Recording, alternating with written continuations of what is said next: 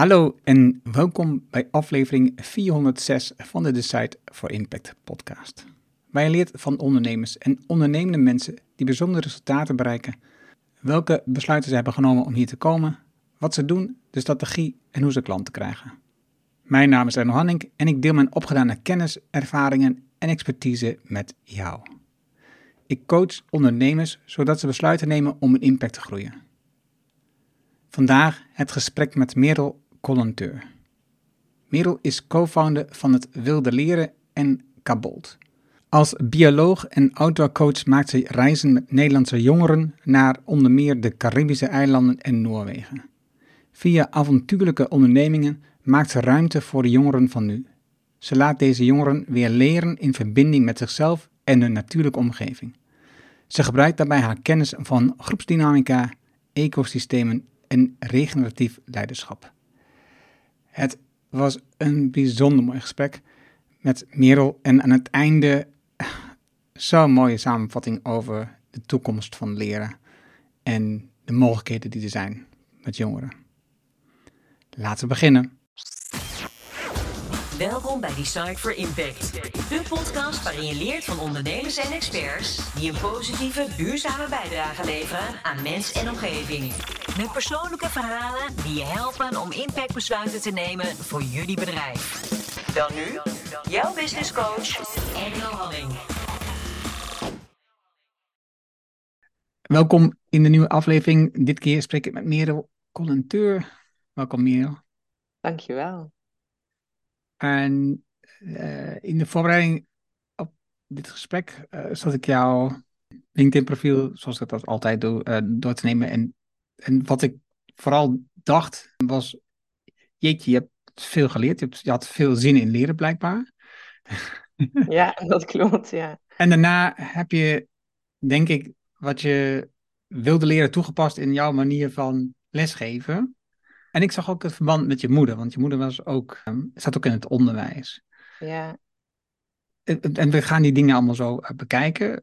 Uh, maar je, je bent echt opgeleid tot, tot bioloog. Ja, dat klopt. Ja. Als ik jouw onderzoeken die je had gedaan, bijvoorbeeld in jouw stage, ja, zeg maar, die stagemomenten, dan is het heel specifiek. Want wat heb jij precies geleerd um, als bioloog? Wat, wat was jouw onderzoeksveld? Ja, dat is een mooie vraag. Ja, eigenlijk begon ik uh, inderdaad als bioloog en uiteindelijk heb ik me helemaal gespecialiseerd in micromarinebioloog, waarbij je echt, nou ja, ik ging kijken naar virussen in de oceanen en hoe dat, uh, nou, welke invloed virussen hebben. Maar ik denk, als ik zo terugkijk, wat ik het meest heb geleerd als bioloog is kijken vanuit een bril dat alles verbonden is. Want alles is verbonden. Maar ik besefte me pas, pas veel later van, oh ja, maar zo denk en kijk ik gewoon altijd. Plus, als bioloog krijg je heel erg aangeleerd om goed te kijken, dus heel goed te observeren. Uh, dat zit ook heel erg in onderzoek doen. En dat is denk ik ook iets wat als ik een ruimte binnenkom, dan, dan, nou ja, dan kan ik niet anders dan observeren. Dus grappig genoeg, ja, ik heb, ik heb natuurlijk vet veel andere dingen geleerd over technieken, hoe je DNA kan extraheren en allemaal andere dingen. Maar ik denk dat deze vaardigheden me nu in mijn huidige werk het meeste brengen. Ja. ja en jij zegt alles is verbonden. Wat betekent dat voor jou? Dat, is, dat hoor je vaker, deze uitspraak, hè? alles verbonden. Ja. En, en dat betekent voor heel veel mensen heel veel verschillende dingen, volgens mij ondertussen. Maar wat betekent dat voor jou? Ja, nou, voor mij betekent het dat, nou ja, het is wel grappig omdat deze pod podcast gaat, de naam zegt het al, impact, uh, die, dat zit al in je naam. Ik voel eigenlijk met verbinding, alles is verbinding, betekent voor mij dat ja, alles wat wij als mens doen, zeggen, uh, niet doen, niet zeggen, creëert samen eigenlijk wat er, wat, ja, onze wereld en ook onze planeet. En, en met ons natuurlijk alle andere organismen, alle andere levende organismen. En dat betekent dat we aan de ene zijde zijn we met, met iedereen en met alles verbonden. Maar het betekent ook dat we uh, continu impact maken. Of we dat nou willen of niet, je bent continu aan het co-creëren samen. En daarbij betekent voor mij ook nog wel verbinding dat je, uh, ja, je, je bent empowered om iets te doen. Want jij uh, of het nou zichtbaar is of niet, je hebt continu, omdat je in verbinding bent met elkaar en met, met de hele aarde, uh, ja, heb je een bepaald effect. Uh, en kan je creëren samen. En dat is voor mij ver, verbondenheid eigenlijk. Dus ook ja, de empowerment zit voor mij ook wel heel erg in de verbondenheid. Die, die pak ik zo even op, die empowerment. Voor je onderzoek was je op, op, de, ik zeg niet op de Noordpool, maar in ieder geval was in de buurt van de Noordpool, hè? Ja, klopt. En ik zat dat verslagje even te lezen van VARA BNN 2010 of zo. Dus, uh, ja. Maar als je dan bezig bent met onderzoek daar zo, naar, naar die micro-organismen in, in, het, in het water, in, in de zee, heb je dan ook het gevoel dat doordat je het onderzoek, met het onderzoek, dat je dan ingrijpt in het geheel, dat het een effect heeft wat je doet, dat daar iets aan gekoppeld is? Hmm, ja, dat is een mooie vraag. Nou, toen de tijd dacht ik zeker dat ik daar een bepaalde mate van invloed op had. Maar ik denk wel dat, er, dat ik toen heel cognitief was. Dus ja, de opleiding is ook heel cognitief, dus het gaat heel erg over het denkgedeelte. Dus ik was misschien nog wel meer, ja, gewoon bezig met dingen doen en niet zozeer met het doorvoelen ervan. Dus ik denk dat tijdens, ja, ik weet wel zeker, tijdens mijn onderzoek ging het er misschien meer over, over kennis vergaren. Dus wat je net ook zei van, oh, ik vind het leuk om te leren. Uh, en dat was heel cognitief in mijn geval. En ik denk dat ik wel in ieder geval op dat moment voelde van, oh, ik heb impact met het onderzoek wat ik hier aan het doen ben. Maar tegelijkertijd, aan het einde van, van mijn studie, begon het ook een beetje zo dat ik dacht van, oh ja, maar is dit de manier waarop ik impact wil maken? Of is dit direct genoeg voor mij? Of wil ik ergens anders mee bezig zijn?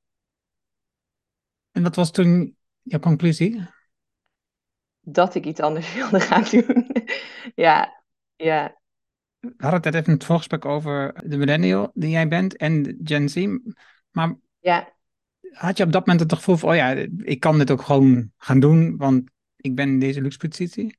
Ja, ik denk het wel. Dus toen ik, toen ik klaar was met mijn studie, uh, toen, toen ben ik gewoon een beetje gaan zoeken van, hey, uh, wat lijkt me leuk? En ergens in mijn hoofd had ik het idee, ik weet eigenlijk niet eens hoe dat is ontstaan, maar ik dacht, hoe tof zou het zijn als ik uh, meer met jongeren ga leren in de echte wereld. Misschien zijn er zeilboten of, of andere organisaties die met jongeren de, de wereld overzeilen. Ik heb geen idee hoe dit idee in mijn hoofd is geplant. Ik ben daarop gaan googlen. Ik kwam een organisatie tegen en ik heb hun gewoon gemaild van... Hoi, ik ben afgestudeerd. Kan ik uh, als docent aan de slag? Nou, toen zeiden ze nee, je moet wel een eerste graad bevoegdheid hebben. Toen dacht ik, nou, dan uh, is dat mijn eerste stap. Maar ik denk wel degelijk dat ik in die fase, ja, ik, ik, ik dacht gewoon alles kan. Nou ja, sommige dingen lukten en sommige niet. ja. En ik maar denken dat als je van de universiteit komt, dat je dan een eerste graadsbevoegdheid hebt. Maar dat is dus niet eens zo. Nee, nee, dat haal je daarna nog. Ja. ja.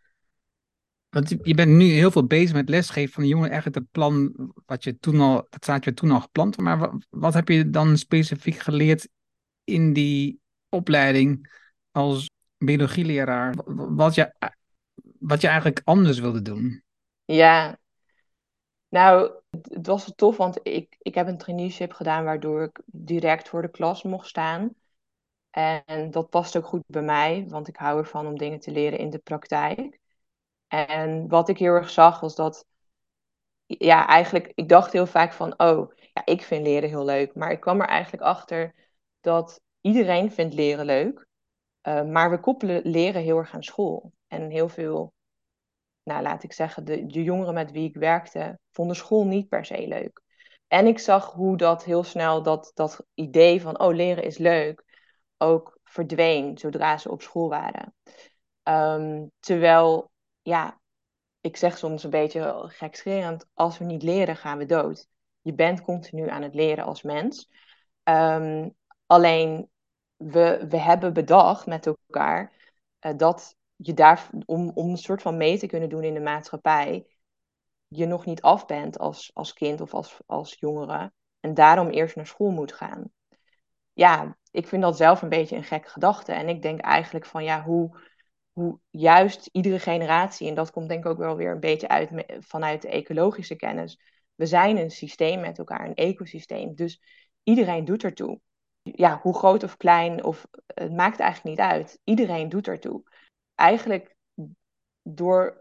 Het, het is een heel, een heel ondergedrukt narratief wat we met elkaar hebben van oké, maar je moet eerst naar school om, om mee te mogen doen. Daar, ja, daar geloof ik gewoon echt niet in. Ik weet nog dat mijn, um, ik hiermee worstelde als ouder, terwijl mijn kinderen de basisschool zaten.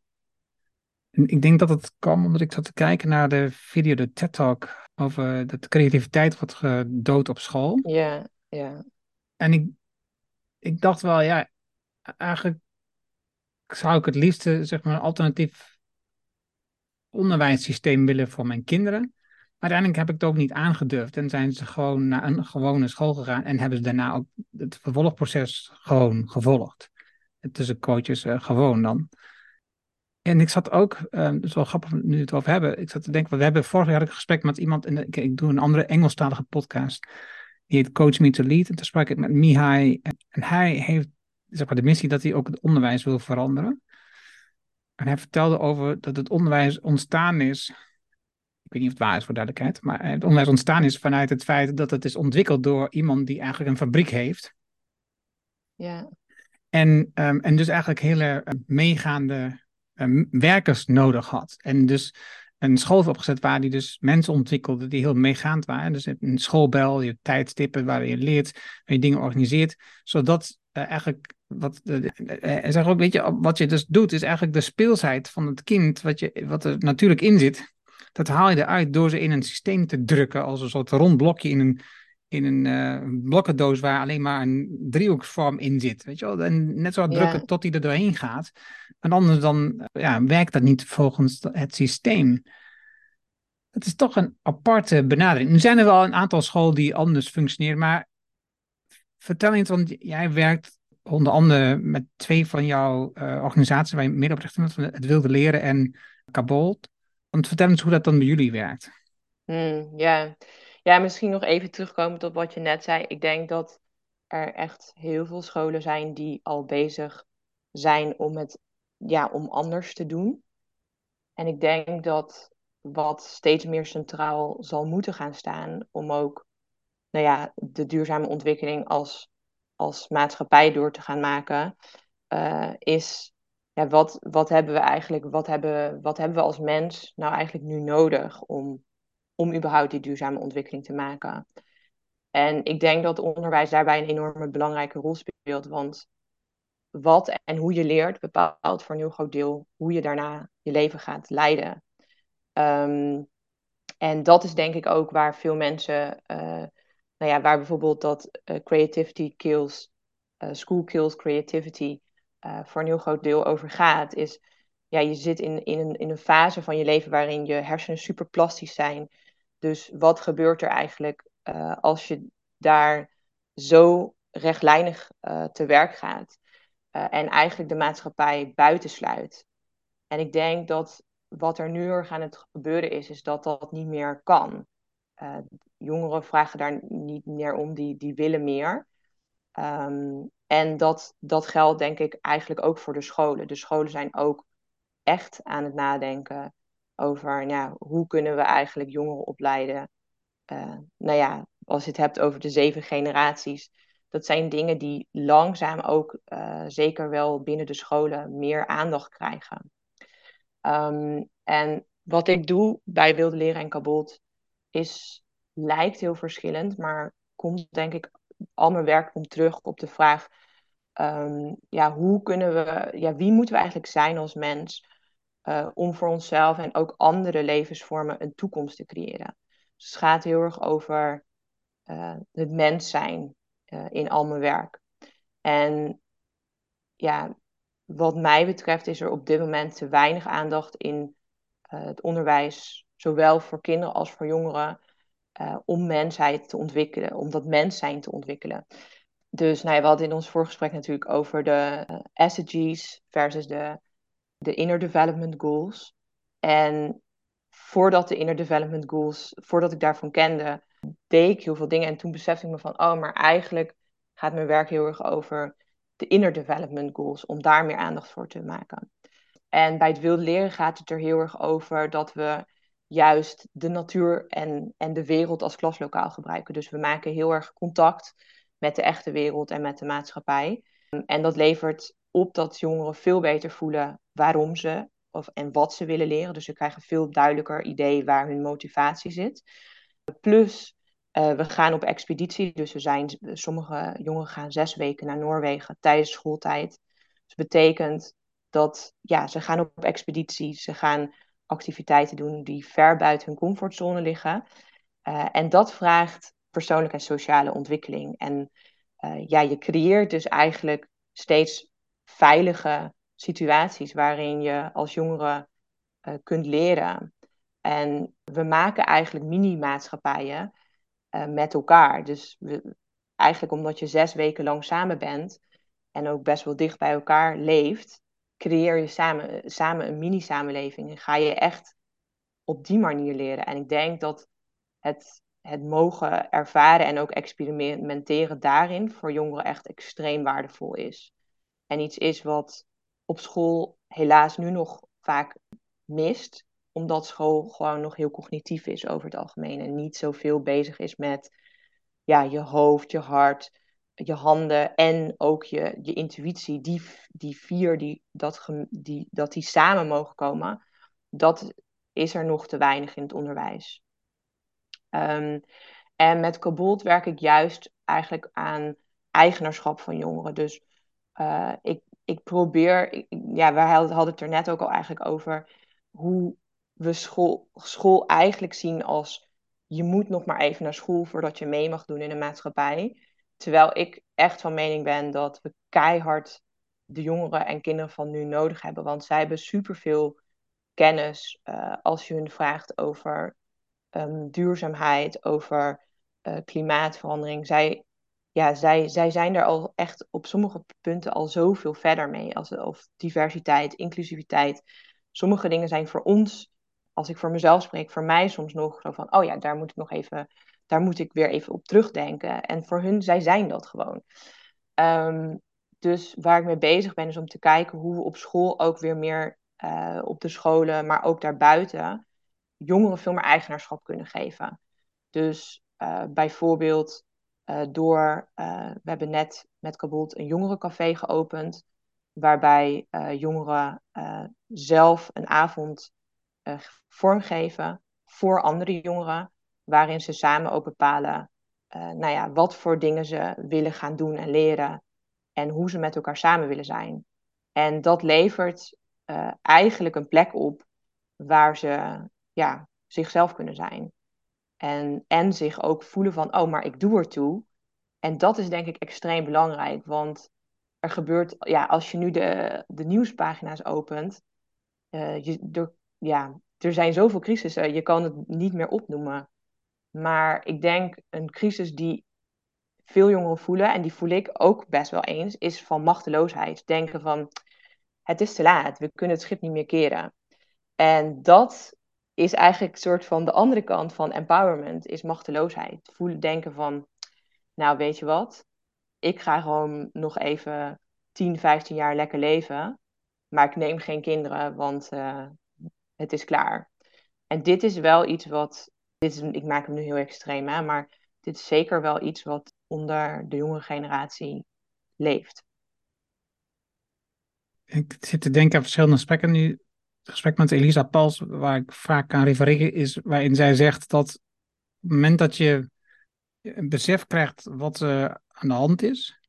Het gesprek ging in dit geval over, wat zij is van Zero Waste Nederland, ging over afvalscheiding. Dus, uh, dus als je een oranje container hebt, dan zie je, dus krijg je een bewustwording hoeveel afval je produceert. Wat dan wel gerecycled wordt, maar je ziet gewoon de hoeveelheid afval die je produceert. Dus dan krijg je bewustwording. Uh, maar bewustwording zonder handelingsperspectief, zorgt voor machteloosheid. Zelfs voor boosheid en ja, teleurstelling en allemaal dat soort gevoelens. En dus um, het is veel beter voor ons, en ik denk ook zeker voor educatie, maar ook voor overheid en voor ondernemers, om dus te werken aan ja, wat kun je doen? Wat zijn, wat, wat, welke handelingsperspectief kun je mensen bieden zodat ze ermee aan de slag gaan? Of dat nou jongeren zijn of mensen, oudere mensen, dat maakt niet zoveel uit, denk ik.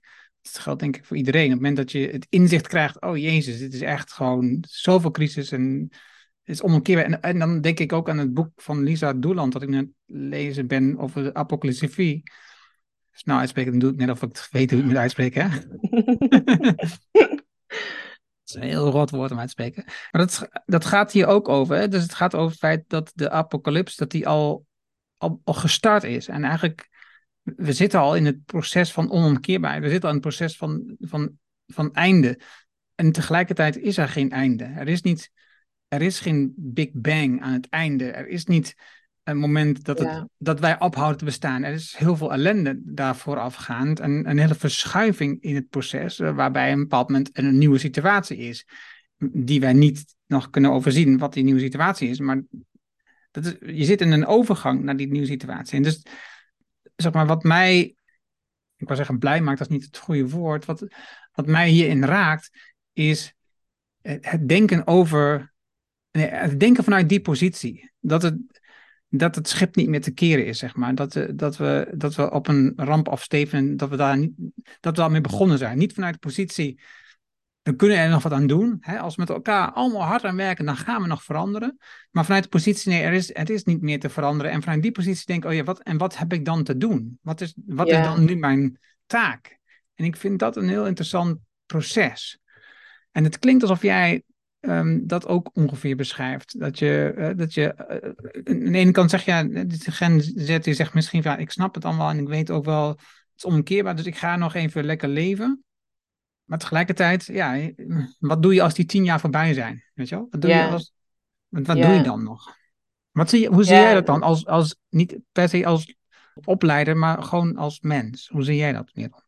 Ja, ja het, is een, het is een mooi ook dat je dat noemt, want ik moet ook denken aan The Work That Reconnects van Joanna Macy. En zij zegt daarin ook eigenlijk van uh, om hiermee aan de slag te gaan en om ons ook weer echt terug her te verbinden met de natuur en om ja, echt toe te bewegen naar een duurzame of regeneratieve samenleving, uh, zullen we het echt moeten doorvoelen. Dus ik denk dat het ook letterlijk niet meer zeggen we zullen er iets aan moeten doen, maar hey, we zitten erin. Face it. Doorvoel het ook en voel ook hoeveel, hoe dat raakt. Om vanuit daar ook naar iets nieuws te kunnen bewegen. Persoonlijk is het iets wat me eigenlijk dagelijks wel bezighoudt. Dat ik, heel vaak voel van, oh maar hoe voel ik me eigenlijk vandaag? Voel ik me machteloos of voel ik me empowered? En eigenlijk is dat elke dag wisselend voor mij helpt, ik merk wel dat daarom uh, ben ik ook heel erg bezig met om met jongeren bezig te zijn met natuurverbinding. Omdat ik wel heel erg geloof dat het verbinden met de natuur of in een bredere zin de, je omgeving wel een bepaalde hoop kan geven. Ja, dat geeft het in ieder geval voor mij. Je hebt het dan over regeneratief onderwijs regeneratief leren. Ja. En dan heb je het over hè, het, het herstellend vermogen van de natuur en van onszelf. En ik zat te denken, mist dan daar in het woord zelf of is het echt werkelijk, moet je werken aan die herstelling? Aan het herstellen. Is het, is het zelfherstellend of, is het, of moet je werkelijk werken aan dat herstellend vermogen? Hmm, ja, dat is, een, dat, is een, dat een filosofische vraag. ja, ja, ja, ja. Ik denk dat het beide is in de zin van ja, de aarde uh, gaat gewoon door. Dus op een gegeven moment, als wij, als stel wij zouden er niet meer zijn, of nou ja, wanneer we er niet meer zijn, ooit gaat dat wel zo zijn. Ja, de aarde gaat gewoon verder. Dus de regeneratie zal wel plaatsvinden. Maar ik denk als we het hebben over onszelf, dat de crisis die ik meeste zie, is niet ja, er is, er is crisis van biodiversiteit en klimaatverandering, maar ergens denk ik dat de kern daarvan is, is eigenlijk een crisis op meer op mentaal en zielsniveau. met de vraag, ja, hoe, uh, ja, hoe, hoe, is eigenlijk onze verhouding tot, tot de aarde en, en wat is ons natuurbeeld daarin. En ehm, ik denk dat we daar wel echt iets in te doen hebben, zeg maar. Dat dat niet, uh, ja, dat dat niet passief kan zijn, zeg maar. Dat, dat, ja, denk dat dit, dat dit echt iets is waar wij zelf weer mee aan de slag moeten gaan. Ook. En ik denk dat dat al heel erg aan het gebeuren is, maar dat dat nu nog vaak cognitief is. Van, oh ja, uh, ik denk dat heel veel mensen wel, wel daarover nadenken van, oh ja, ik wil weer meer, ja, wij zijn natuur. Ik denk dat heel veel mensen dat wel uh, kunnen zeggen, maar het echt weer voelen en ook daarna handelen, dat is niet een aan- of uitknopje. Dat, tenminste, zo ervaar ik dat zelf niet. Het is elke keer weer een, een, laagje meer van, oh ja, oh, nu, voel ik nog, nu is dat weer een beetje veranderd. Oh, nu is het weer wat veranderd. Zo zie ik dat nu. Maar goed, hè, uh, ik ben ook volop aan het leren, dus in die zin het is een mooie vraag om uh, over een aantal jaar weer te stellen. ik, ik zat uh, vanochtend in gesprek en dat was Andrea Kleps, dat is een, een dame die heeft een PR-bureau en dat is eigenaar van. En, en ik vind het echt altijd opmerkelijk en mooi en bijzonder met haar te praten. Maar zij had het vanochtend in gesprek over wat, iets wat ze deed als, als zij dus zeg maar, de natuur inging. Stapte een bos in of een weiland of wat dan ook. Dat ze even een moment van rust nam. Een pauzemoment. En dan de vraag aan zichzelf stelde, of eigenlijk niet aan zichzelf, maar aan de omgeving stelt: mag ik, mag ik hier binnentreden? Mm, yeah. Ik dacht, oh ja, dat is, dat is wel heel mooi dat je bewust die vraag stelt, en, maar ook ziet dat jij op dat moment als mens, en dan komt het weer terug op alles vormt één geheel, zeg maar als mens in zo'n geheel kosmosachtig iets instapt. Niet denkt vanuit, oh, ik kom hier als mens gewoon binnen, want ik ben de mens. Ja, ja. Ja, we zitten natuurlijk in het Anthropoceen en ergens kunnen we dan denken, oh, de mens centraal. Oh, lekker comfortabel of zo. maar, maar ja, daar zit het probleem ook inderdaad. Zo van, oké, hoe uh, zijn wij dienstbaar aan onze omgeving of niet? Uh, en, en daar denk ik wel dat als we in ons onderwijs hele andere vragen gaan stellen. Van ja, wat ik net zei van oké, maar wie wil ik zijn als mens? Om, te, om, om de maatschappij of de aarde en mezelf daarmee dus ook te dienen. Want die hangen allemaal samen. Ja, volgens mij krijgen we dan niet per se dat het onderwijs dan helemaal om moet. Maar we, we gaan gewoon heel anders leven daardoor. Dus gaat het onderwijs daarom om. Maar ik noem het zo omdat we soms ook wel eens zeggen van ja, soms merk ik wel dat het onderwijs van de ene uh, vernieuwing in de volgende vernieuwing duikt. En is, dit is denk ik geen vernieuwing, maar een fundamentele uh, andere levenswijze. En uh, die we centraal moeten gaan stellen. Dan heb jij het over empowerment.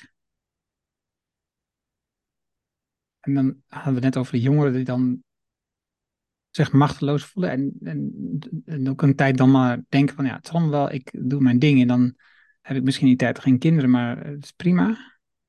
Maar ik leef er voorlopig op los, omdat ik het toch niet kan veranderen. Dus wat zou jij dan, wat, ja, wat zou jij of wat, wat doe je veranderen om, om die jongeren dat empowerment te geven, dat ze wel iets kunnen veranderen? Ja, nou wat ik concreet doe is enerzijds bijvoorbeeld jongeren meenemen naar buiten en ze in de omgeving brengen, waardoor ze echt heel duidelijk voelen en zien dat ze, dat ze impact maken op elkaar als groep, maar ook op hun omgeving. Aan de andere kant door, ja, ik geloof er niet in dat iedereen draagt, uh, draagt het zaadje van hoop in zich.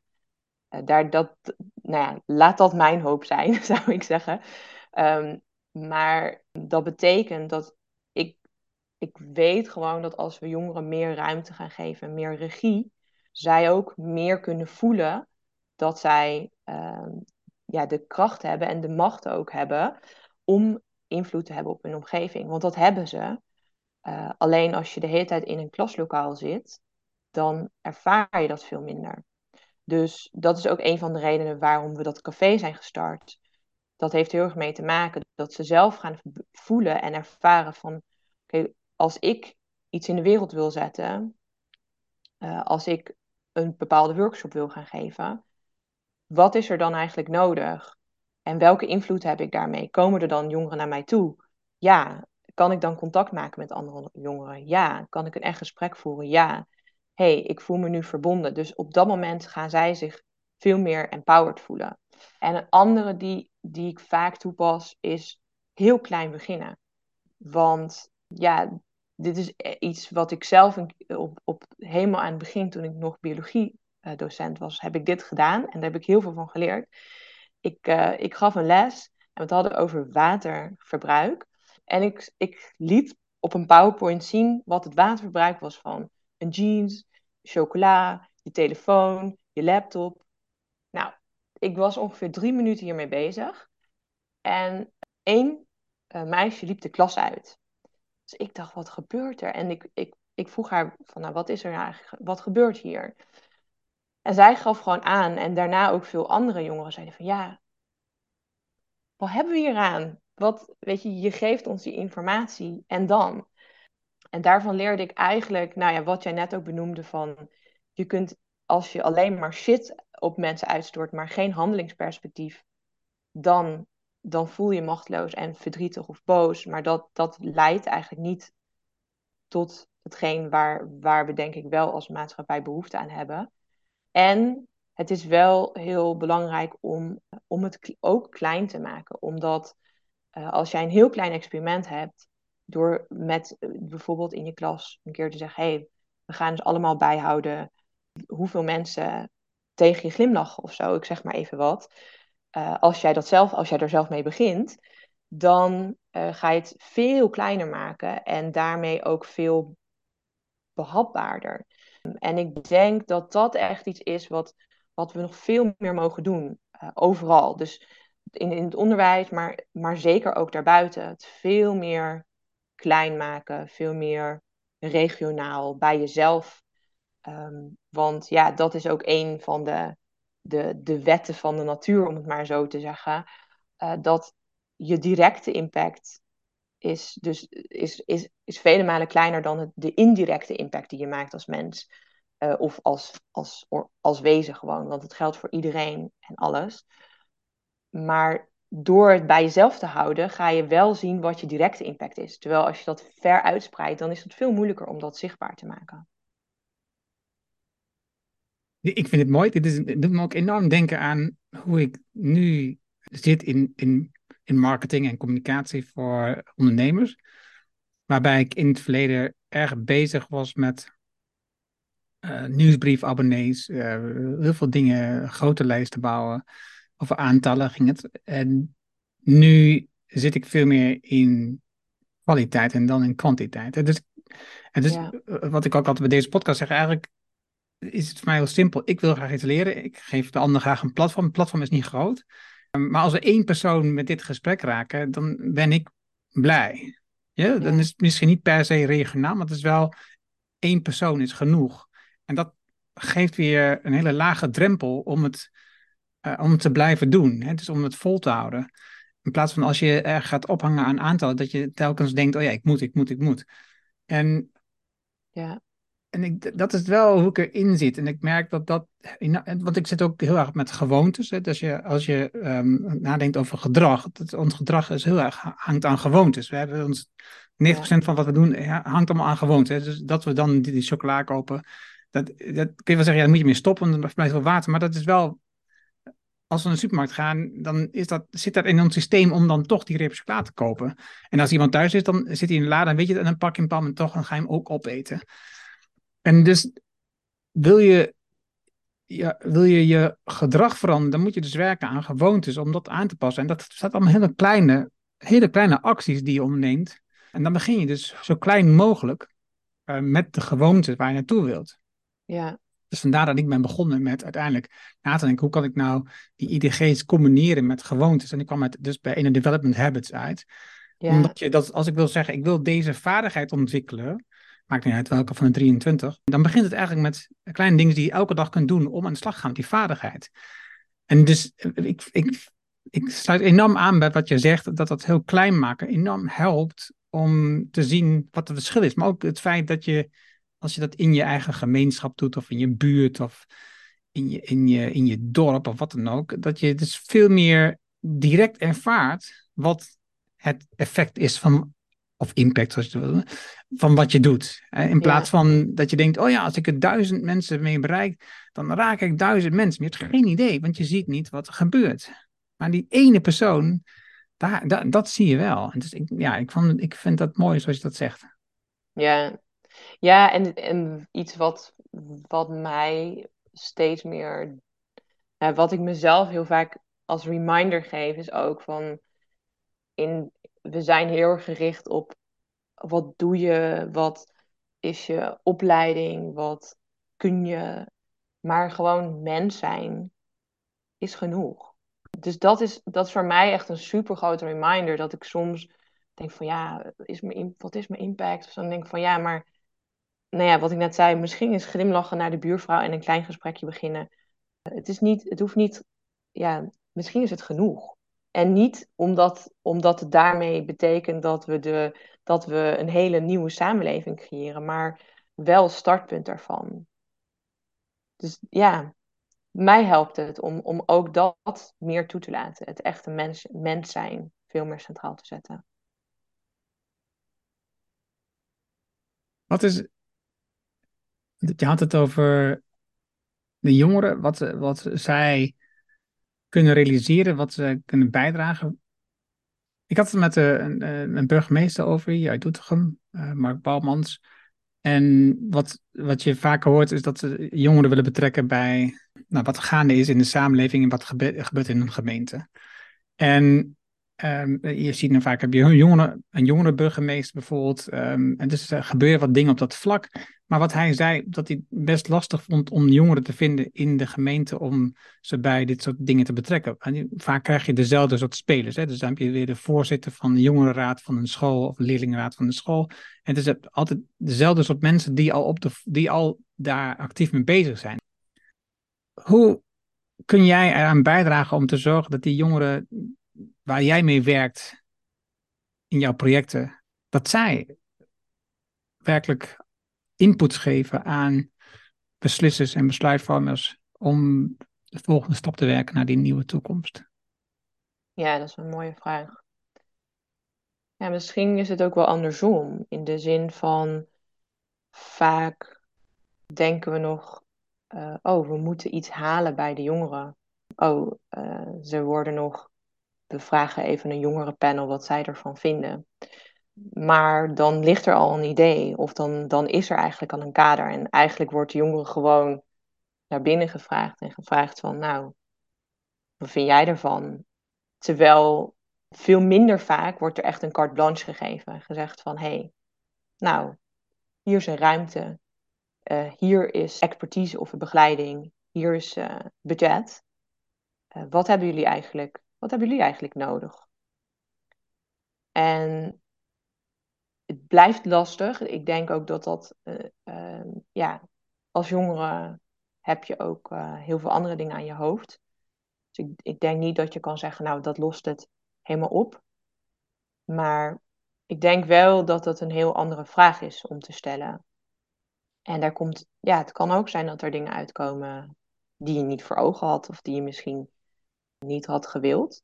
Maar dan, als je dat doet, dan geef je echt doorgang aan de jongere generatie. Dus ja, in, in die zin wordt het meer gelijkwaardig eigenlijk. In plaats van, oh ja, er staat nog geen, geen vinkje van de, van de jongerenraad achter.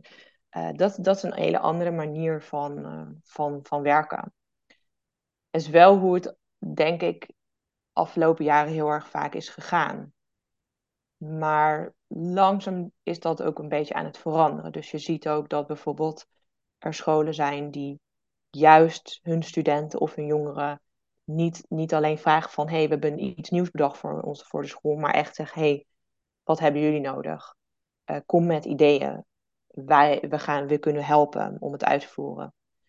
Ja, daar, dan ontstaat er echt iets heel anders. Dan krijg je dat, dat, dat ecosysteem met elkaar.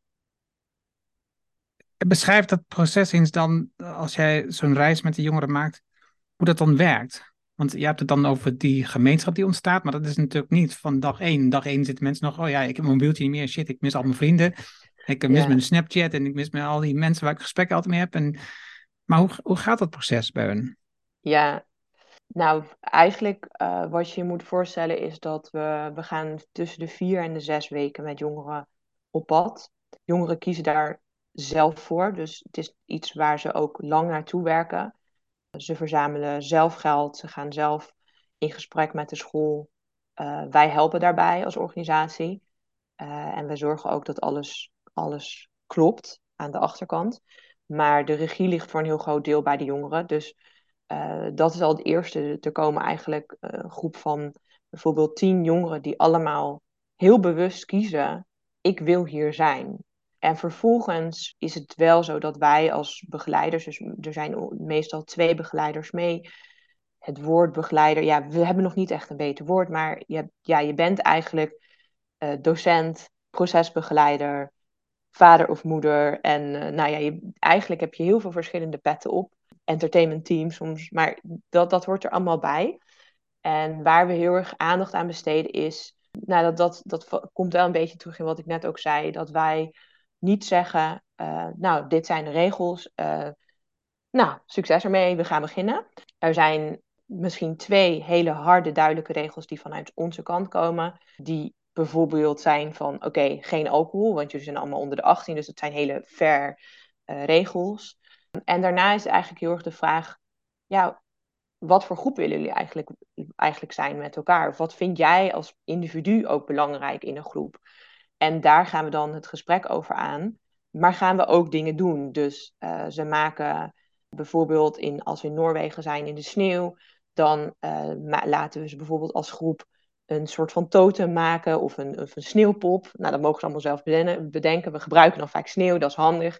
En dan zie je al heel veel dingen gebeuren. We, we kijken ook heel erg per groep, wat kan er eigenlijk? Uh, maar we geven ze ook best wel wat verantwoordelijkheden. Dus sommige dagen uh, gaan ze zelf, koken ze zelf. Ze maken sowieso zelf schoon. Dus er zit ook best wel wat verantwoordelijkheid aan. En dus, ja, dus er zit, we geven ze eigenlijk heel veel regie. Ze doen heel veel zelf. En we, komen, we laten het proces eigenlijk heel, heel ja, vloeiend overlopen naar dat ze als groep helemaal zelfstandig gaan functioneren. Dus dat begint eigenlijk met heel erg gestructureerd dat wij bijvoorbeeld vragen, nou, hoe willen jullie zijn als groep? En daar komen dan soms ook bepaalde regels uit dat ze zeggen, nou laten we om tien uur stil zijn, want dan kunnen sommige mensen gewoon gaan slapen. Uh, totdat mensen zeggen, nou geen mobiel aan tafel. Nou helemaal prima, dat zijn jullie regels. Maar langzaam gaan we als, gaan we als begeleiding daar ook wat meer naar achteren. Dus zij gaan zich natuurlijk steeds meer vormen als groep. En omdat je meer met elkaar deelt dan, nou ja, eigenlijk normaal als jongeren, deel je meestal of op school dingen of op, op bij, bij theater, bij de sport. Maar je bent vaak korte tijd met elkaar samen. Maar hier deel je alles, want je, je staat met elkaar op. Uh, je moet wachten op de douche, je moet met elkaar de wc schoonmaken. Je moet afwassen. En, en je hebt ook nog school en je, en je gaat naar buiten op expeditie. Dat levert een heel ander plaatje op. En dat is denk ik ook wel, ja, ik vind dat zelf echt enorm uniek. Want het geeft je ook de kans om dingen uit te proberen als jongere. Dus als je niet geneigd bent om normaal je grenzen goed aan te geven, dan is het hier een, een, een veilige omgeving om een keer te denken, nou, na vier weken ken je elkaar goed, ik ga gewoon mijn grenzen aangeven. En dat is denk ik iets wat, ja, is echt een unieke kans om, om dat een keer te mogen ervaren. Je zei dat jongeren gaan zelf een geld inzamelen. Wat, wat kost het? Ja, dat verschilt per reis, maar uh, dit is, het is uh, vrij duur om, om, zulke om, om alles te organiseren. Dus je moet denken tussen de 3 en de 5000 euro. Dat is uh, een fors bedrag. En wij helpen jongeren daarbij om, om ja, zoveel mogelijk zelf het geld bij elkaar te verzamelen met verschillende acties die zij zelf uitzetten. En wat zijn dat voor acties? We, nou ja, wat we eigenlijk altijd zeggen is, waar word je gewoon blij van? Want je moet het lang volhouden. Uh, waar heeft ook de maatschappij behoefte aan? Dus het is heel wisselend. Sommige jongeren gaan uh, soep, soep, koken voor de hele buurt. Uh, anderen gaan, gaan muziek maken bij de, bij de ouderen. ja, er zijn ook mensen die, veel jongeren zijn heel goed met videografische kwaliteiten, websites bouwen. Nou, zo komen ze eigenlijk, ja, ieder, ieder heeft zijn eigen pad daarin heel erg. Dus dat is ook mooi. Ze zien, je ziet dan eigenlijk ook snel waar ieders talenten liggen. Klinkt in ieder geval ondernemend. Ja, ja dat is waar. Ja, het is in die zin, ja, dat moet ook bij je passen. En uh, je moet het ook kunnen. Dus dat, dat, ja, het vraagt ook echt iets van jou als jongere. Dat café, in eerste instantie dacht ik, ja, dat lijkt natuurlijk enorm op een soort verkorte, verkleinde versie van zo'n expeditie. Hè? Dus je leert elkaar kennen in, zo'n samenstelling. Maar aan de andere kant, wat je natuurlijk enorm mist, is, is die intense periode samen. Dus daarin verschilt het enorm. Want ja, Als, je, als je café voorbij is, ga je naar huis en dan is het klaar. Ja, ja. ja ik denk dat het, het café is echt geboren vanuit het idee dat we hebben eigenlijk jongeren gevraagd, gezegd, het, is namelijk op een plek in Utrecht, bij de Nijverheid. Dat is een, uh, een creatieve broedplaats. Daar gebeurt heel veel. Dat is een, ook voor jongeren een hele interessante plek. En we hebben, zijn eigenlijk gewoon met jongeren in gesprek gegaan, gezegd van, hey, deze ruimte is beschikbaar. Wij zijn beschikbaar, om maar even zo te zeggen. Wat zouden jullie willen? En daar kwam dit uit eigenlijk. Dat ze zeiden, ja, we zouden heel graag een avond willen voor onszelf. Waarin we ja, samen kunnen zijn, toffe dingen kunnen doen. Maar ook nieuwe dingen kunnen leren zonder dat ze meteen een dure workshop bijvoorbeeld moeten afnemen bij iemand. En dat is eigenlijk mijn, mijn, we zijn nu eigenlijk in de volgende fase. We hebben het voor de, voor de zomer een aantal keer uitgetest. En er zijn nu uh, een aantal jongeren die het heel leuk lijkt om het over te nemen. Want we merkten, ja, wij zijn gewoon uh, andere generatie. Wij zijn uh, oud, om maar zo te zeggen. Uh, en dat is ook heel goed. Dus in, de, in de zin van, er zijn nu, nu een aantal jongeren die zeggen, nou, we willen dit initiatief doorzetten. Uh, zij zijn nu bezig om een jongerenbestuur te vormen. En zij gaan nu het concept verder opzetten en verder dragen. En wij gaan veel meer faciliteren om te zorgen dat alles op de achtergrond kan om ze te helpen met expertise. Om misschien mensen te vragen van... hey, wil je een keertje jongeren uitleggen hoe je een vette avond programmeert? Uh, dat is onze rol. En zij gaan veel meer in, in de rol van de, uh, organiseren. En het uiteindelijke doel van het café is dat we veel meer een leercommunity gaan vormen. Dus dit, voor ons is dit eigenlijk het startpunt van een plek waar jongeren bijvoorbeeld in, goed in contact kunnen komen met kunstenaars, kunstenaars vinden het vaak heel leuk om, te, om ook hun skills te leren, te, om, om uitleg te geven. Maar het is best wel moeilijk om nou ja, als jongere op zo'n plek terecht te komen. Dus ook wel een beetje bedoeld, echt als in mijn ideaal is het echt wel bedoeld als een alternatief voor school. Dat, dat zou uiteindelijk mijn, mijn visie zijn, zeg maar, mijn hoop. Maar goed, het mag ook als extraatje naast school zijn. Maar ik denk dat het heel mooi is als er plekken in Nederland komen ze op leren van en met elkaar veel meer centraal te staan. En dat is, daar is eigenlijk de jongerencafé een eerste stap uh, naartoe. Als ik kijk naar beelden van uh, Indigenous people, stammen, hè, dus dan is er geen school.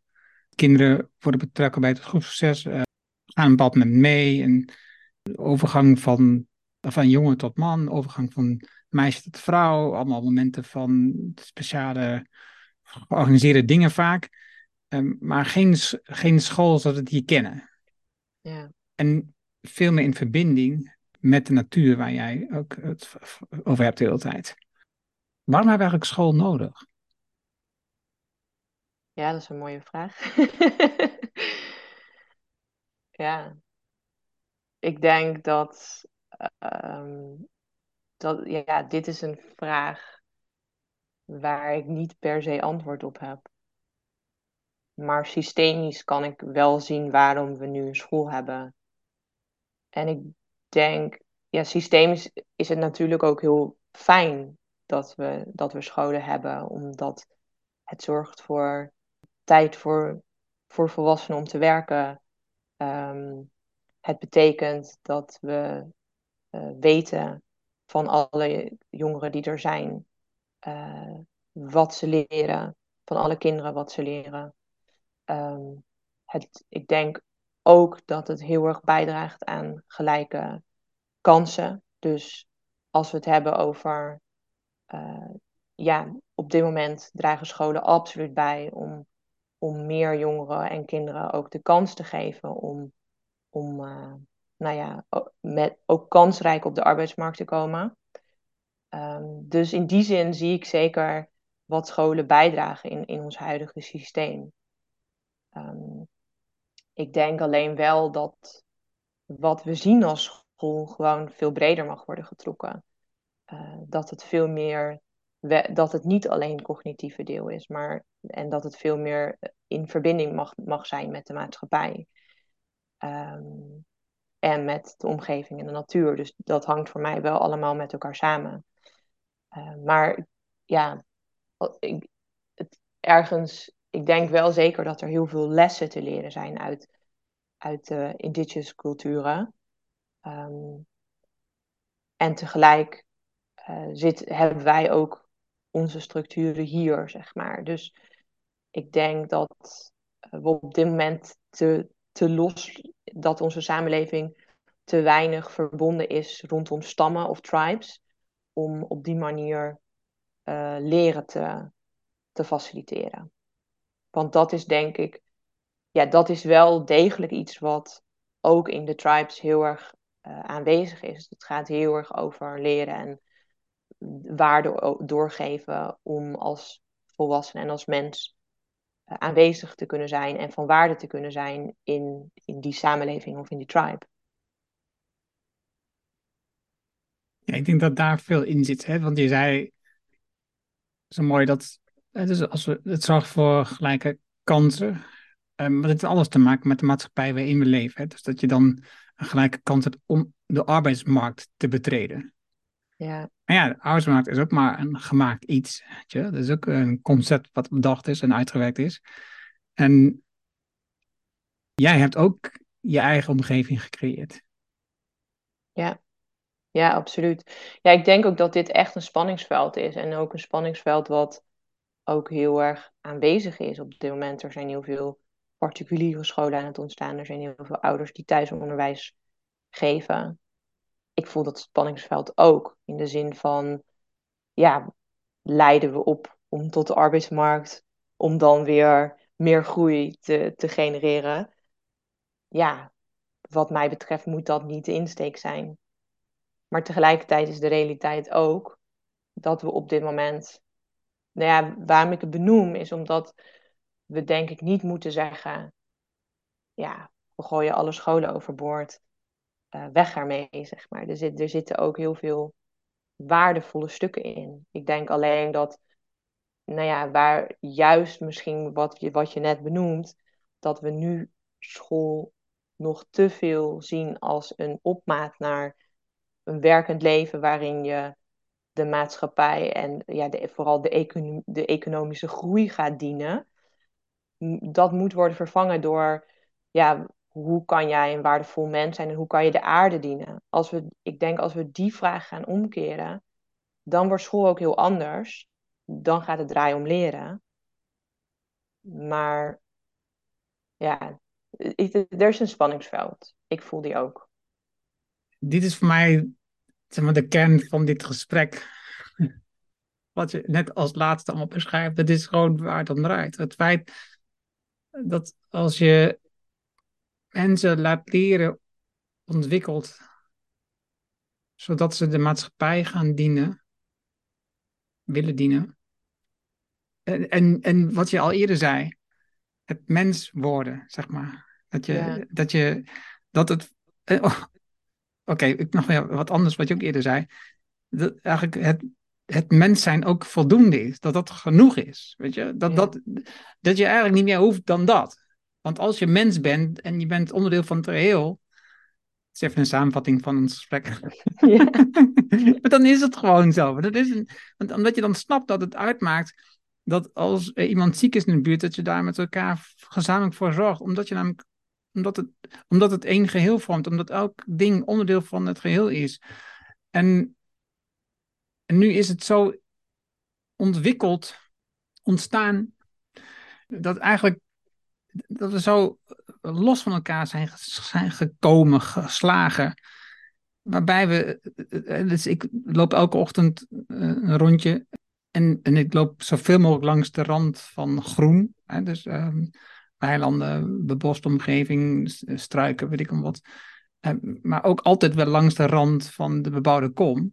En dus zie je in de ochtend mensen in een auto stappen naar hun werk rijden. En het, de hele dag is dat huis leeg. Weet je wel? Dus je, je werkt, je koopt een huis, je werkt aan een hypotheek voor een huis waar een heel groot deel niet bent. Omdat je van een heel groot deel de tijd spendeert op je werk. Dat is hoe, hoe mijn brein werkt op zo'n moment. En ja. het is natuurlijk aan zich vreemd dat je gaat uit je stam, wat nog geen stam is eigenlijk, maar je buurt. Hè? Dus je gaat uit die buurt en je gaat naar een andere plek om te werken waar andere mensen zijn die bij elkaar zijn, omdat dat daar het werk is. Maar het mens zijn is al voldoende.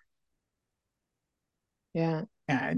Ik vind dit echt wel een hele mooie inzicht van jou, Merel. Dankjewel. Ook dankjewel voor het samenvatten. Want ik, het raakt mezelf ook weer dat je het zo samenvat. En denk van, oh ja.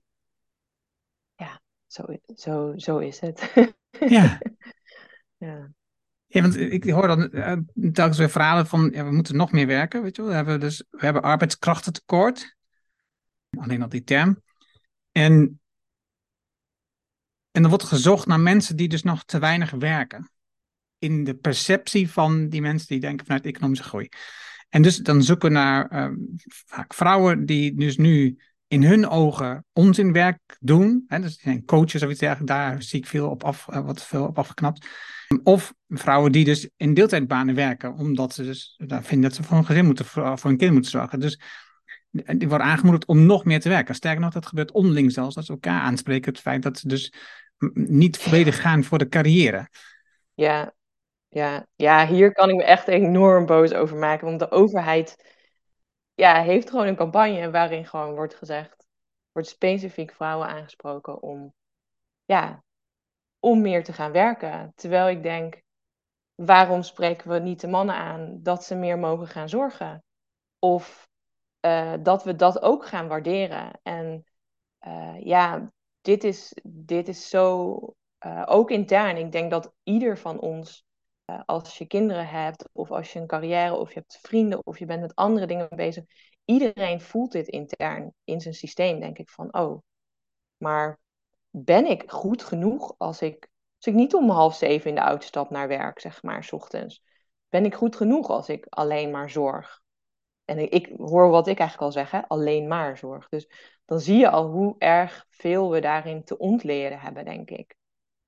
En dat geldt ja, dus net zo goed ook voor mij. Dat, ik denk dat dat ook goed is om te zeggen dat ook echt iets wat voor mij ook dagelijks iets is waar ik, waar ik voel van, oh, ja, hoe ga ik hier eigenlijk mee om? Wat heb ik hier eigenlijk over geleerd? Ooit. Hoe wil ik dat eigenlijk zelf? En, en ik ben met je eens, het is een veel betere campagne. Vanuit de overheid. Ja, toch? Als ze zouden zeggen. Ja, mannen. ja. Een andere uitspraak die ik ook van die Mihai van vorige vrijdag op onthouden. En ik, hij, hij zei de naam erbij van wie dat was. Dat was ook een onderwijsconcept wat erachter had. En, of het was zijn mentor, geloof ik, die dat zei. En het was uh, dat hij zei van eigenlijk zou onze gedachte gaan moeten zijn dat we zoveel mogelijk willen spelen, zoveel mogelijk willen ontdekken en zo min mogelijk werken. Dus, de, dus we zouden eigenlijk gedreven zijn om zo min mogelijk te werken, zodat er zoveel mogelijk ruimte is om te spelen, om contact te maken, om verbindingen te maken met andere mensen. En, en ik denk dat dat ons enorm zou helpen in de verandering uh, die we nodig hebben als maatschappij. En David Graeber heeft met zijn boek over bullshit jobs al ontdekt dat 30% van de mensen die op dit moment werken zelf vinden dat ze een bullshitbaan hebben. En dus, dus we kunnen eigenlijk heel gemakkelijk het probleem oplossen. We hebben heel veel bullshit spullen. Er is nu op LinkedIn Jan Segers, die eh, doet nu elke dag een post aan een bullshit product. Wat oh, soms ook leuk. een soort uh, niet een product aan zich is, maar soms een keten of iets dergelijks is. Maar als we die bullshit producten niet zouden kopen bijvoorbeeld, hoeven we ook minder te werken. Om maar eens wat te noemen. Hè? Dus als we niet telkens een groter huis willen of niet een grotere auto willen, hoeven we minder te werken. Het lijkt heel ingewikkeld, het systeem waarin we vastzitten, maar eigenlijk is het heel eenvoudig. Ja, en tegelijk, het is denk ik simpel, maar niet makkelijk. Zo, zo zie ik het eigenlijk. Van, het is best simpel, maar het is absoluut niet makkelijk, want het vraagt echt moed om dat soort dingen los te laten. Het vraagt moed om te zeggen, joh, ja, ik ga lekker drie uurtjes werken per week. Uh, dan heb ik uh, precies net genoeg geld om mijn boterham te betalen. Maar dan heb ik geen eigen huis. Ja, dat vraagt moed om, da om, dat, om dat te doen. En ik denk dat dat. Ja, ik vind het een mooie uitspraak over dat spelen. Omdat ik wel. Ja, ik geloof er zelf ook wel in. Van hoe, hoe als we blijven spelen en ontdekken hoeveel. Ja, dan hou je ook de verwondering, zeg maar. Ik denk dat dat ook. Dat, dat is ook iets waarom ik het zo mooi vind dat we dan dat café bij kunstenaars hebben. Omdat verwondering en, en ook iets kunnen visualiseren of maken wat er nog niet is, ja, dat geeft hoop ook, denk ik. Merel, ik wist van tevoren niet zo goed dat ik van dit gesprek moest verwachten. Ik ook niet. en ik vond het heerlijk om met je te praten. Dankjewel. De rust die je uitstraalt, die is, die is adembenemend. En de inzichten tussendoor, maar zeker die laatste, uh, hoe dat samenkwam, was zo mooi. Ik denk dat daar zoveel ruimte ligt voor ontwikkeling. Ik ben, ben benieuwd wat ons dat gaat opleveren, dat is één. En wat jij gaat doen, dat is twee. Ja, goede vraag. Ja, wat ga ik doen? Nou ja, ik vertelde net al in het voorgesprek dat ik uh, in ieder geval heel erg zelf de vaardig bepaalde vaardigheden aan wil leren om meer zelf een huis te bouwen. Dus dat ga ik zeker weten doen. En wat ik ook wil gaan doen, en misschien een kleine oproep ook aan scholen, is als zij, als zij denken, hé, hey, ik, ik durf het aan om, om de vraag centraal te stellen van hoe, hoe je als mens ja, op kan leiden om de aarde te dienen uh, in plaats van de economie, dan lijkt me het heel mooi om, om ook daarin samen op te gaan trekken om een traject uit te zetten. Want ja, het, is simpel. Sommige dingen zijn simpel, maar ze zijn zeker niet eenvoudig. Maar door juist de principes van de natuur te gebruiken, alles is steeds in beweging en in verandering. Dus het levert ook, het gaat direct verandering ook opleveren. Dus ja, dat ga ik doen. En persoonlijk heb ik ook echt als wens om, uh, ja, om zelf ook weer uh, een stapje dieper bezig te zijn met, met de natuurverbinding stuk. Dus over een paar dagen ga ik ook tien dagen het bos in. Om dat echt weer wat meer, ja, om ook dat zelf voor mezelf niet alleen dagelijks, maar ook zo nu dan echt een soort van diep immerse te doen. Dus uh, dat ga ik doen de komende tijd. Dankjewel, Merel. Dankjewel. Dat was het mooie gesprek met Merel. Je vindt de namen en links die we noemden in het artikel dat bij deze uitzending hoort. Ga daarvoor naar decideforimpact.com slash show 406. Wil je vanzelf automatisch de volgende aflevering van deze podcast op je telefoon ontvangen? Dat is heel eenvoudig. Heb je een iPhone, dan zit daar standaard de Apple Podcast app op. Open deze app, zoek daar de Decide for Impact podcast op en klik op abonneer. Heb je een Android-telefoon, installeer dan eerst de Player FM app bijvoorbeeld. Zoek daar de Decide for Impact podcast op en klik op abonneer. Dankjewel hiervoor. Heb je een vraag, opmerking, reactie over deze aflevering met Merel of over de podcast in het algemeen? Stuur dan een e-mail naar podcast@decideforimpact.com en ik hoor super graag van jou. Wil je leren hoe je focus en energie vindt met jouw innerlijke kompas? Hoe verbinding in je team het verschil maakt? Hoe je vertrouwen krijgt in je collega's en hoe je een moedig mens wordt? Download dan het boek Impact Besluiten waarmee je nieuwe medewerkers aantrekt op de site van impact.com. Dit is mijn nieuwste boek en daarom download je nu helemaal gratis. Je hebt zelfs geen e-mailadres nodig. Vraag jouw boek nu aan op decideforimpact.com.